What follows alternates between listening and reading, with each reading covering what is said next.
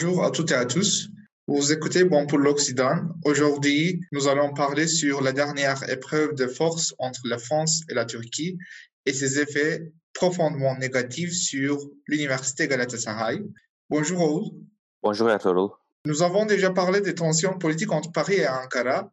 Donc, euh, je pense qu'il n'y a pas besoin de répéter les sujets conflictuels entre les deux pays, mais nous voudrons toucher à la dernière phase de rupture diplomatique pour les relations bilatérales, car on a une crise éducative et académique liée aux enseignants turcs en France et français en, Turc, en Turquie. Est-ce que tu peux nous résumer la dernière développement à l'égard des enseignants dans le cadre de relations bilatérales?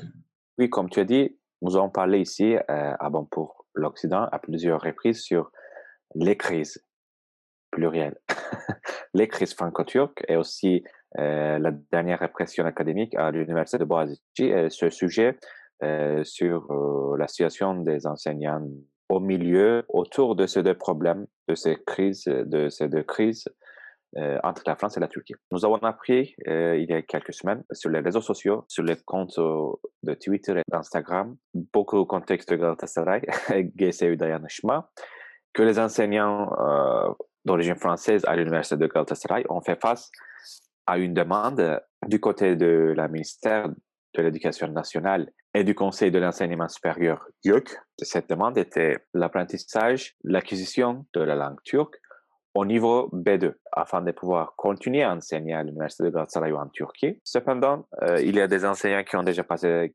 quelques examens euh, obligés par YÖK ou la ministère, euh, l'examen de, de l'Institut de Yunus Emre. Il y a certains qui ont passé, certains qui n'ont pas pu passer. Mais maintenant, ça c'est devenu un sujet important euh, concernant le futur des enseignants français en Turquie, à Istanbul. Normalement, euh, il n'y a aucune obligation de l'acquisition de la langue turque pour les enseignants étrangers, mais évidemment, c'est un sujet remis en cause par le gouvernement. Nous savons déjà l'obligation par le gouvernement français pour les enseignants turcs et maghrébins en France euh, pour acquisition de, certaines qualités. Maintenant, Erdogan et son gouvernement imposent une telle obligation pour les enseignants français.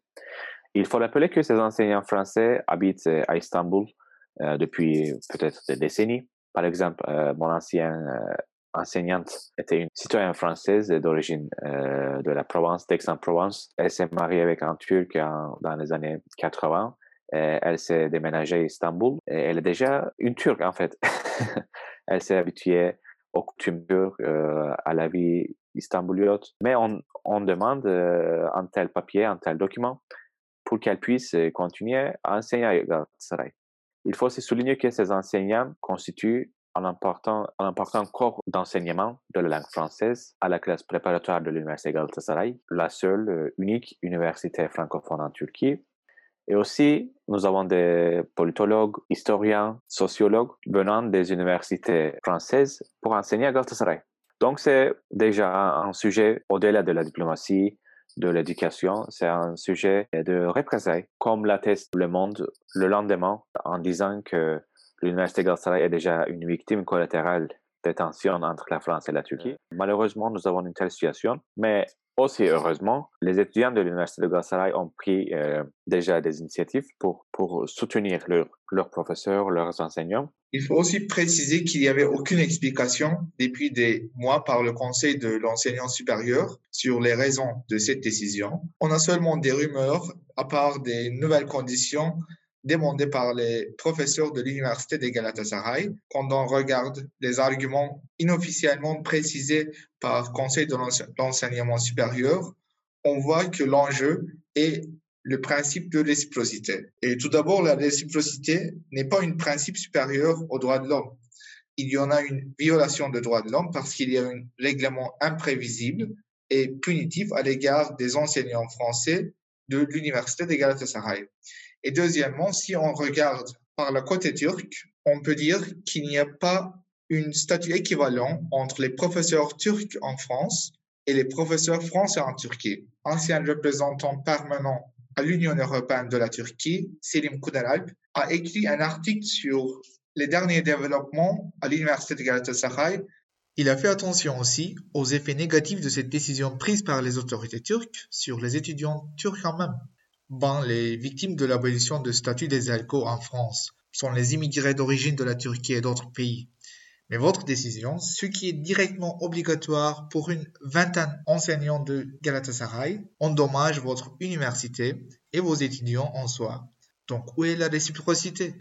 Cette décision du Conseil supérieur de l'enseignement vise le niveau académique, compétences linguistiques et atmosphère multiculturelle de l'université Galatasaray.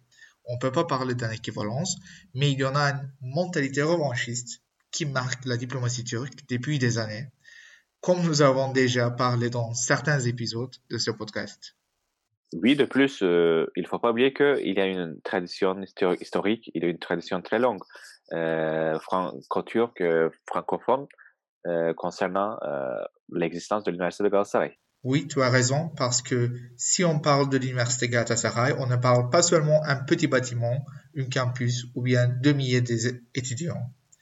Il y a une tradition liée à lycée Galatasaray, qui est un symbole pour la modernisation ottomane turque.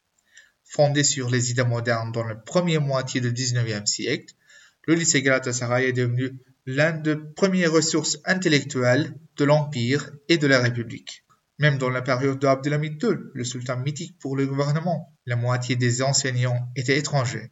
Cette école brillante de l'intelligentsia stambuliote a porté le drapeau jusqu'à nos jours et créé l'université Galatasaray dans le foyer de cet lycée. Donc oui, l'université a été fondée en 1992, mais l'histoire est plus de 150 années. En bref, cette décision va nuire à tout cet héritage, toute cette tradition moderne, modernisatrice de ces pays. Et finalement, il faut rappeler que cette université s'appuie à un accord bilatéral franco-turc signé par François Mitterrand et Turgut Özal. Finalement, je veux aussi ajouter, Arturo, euh, que euh, c'est aussi une partie de rupture de l'OS, euh, je pense, parce que euh, ce coup à l'université de Galatasaray est arrivé juste après ceci de, de l'université de Boğaziçi. Et il signifie justement, je pense, un changement géopolitique dans l'agenda du gouvernement turc. Euh, car c'est pas seulement la soumise euh, du pouvoir d'Erdogan sur l'académie, sur les universités, mais l'élimination, l'écartement ou, même l'annihilation de ces institutions occidentales euh, signifie la fin de la production des élites euh, modernes, européennes, pro-européennes, la fin d'une époque où la Turquie s'oriente vers l'Ouest, vers l'Europe. Il faut aussi ajouter que de telles conditions, de telles euh, obligations pour les lycées et l'université germanophone à Istanbul. Euh, donc, avec le changement géopolitique de la Turquie, je pense que nous allons écouter beaucoup de répression, beaucoup plus de violations de droits euh, dans ces institutions occidentales.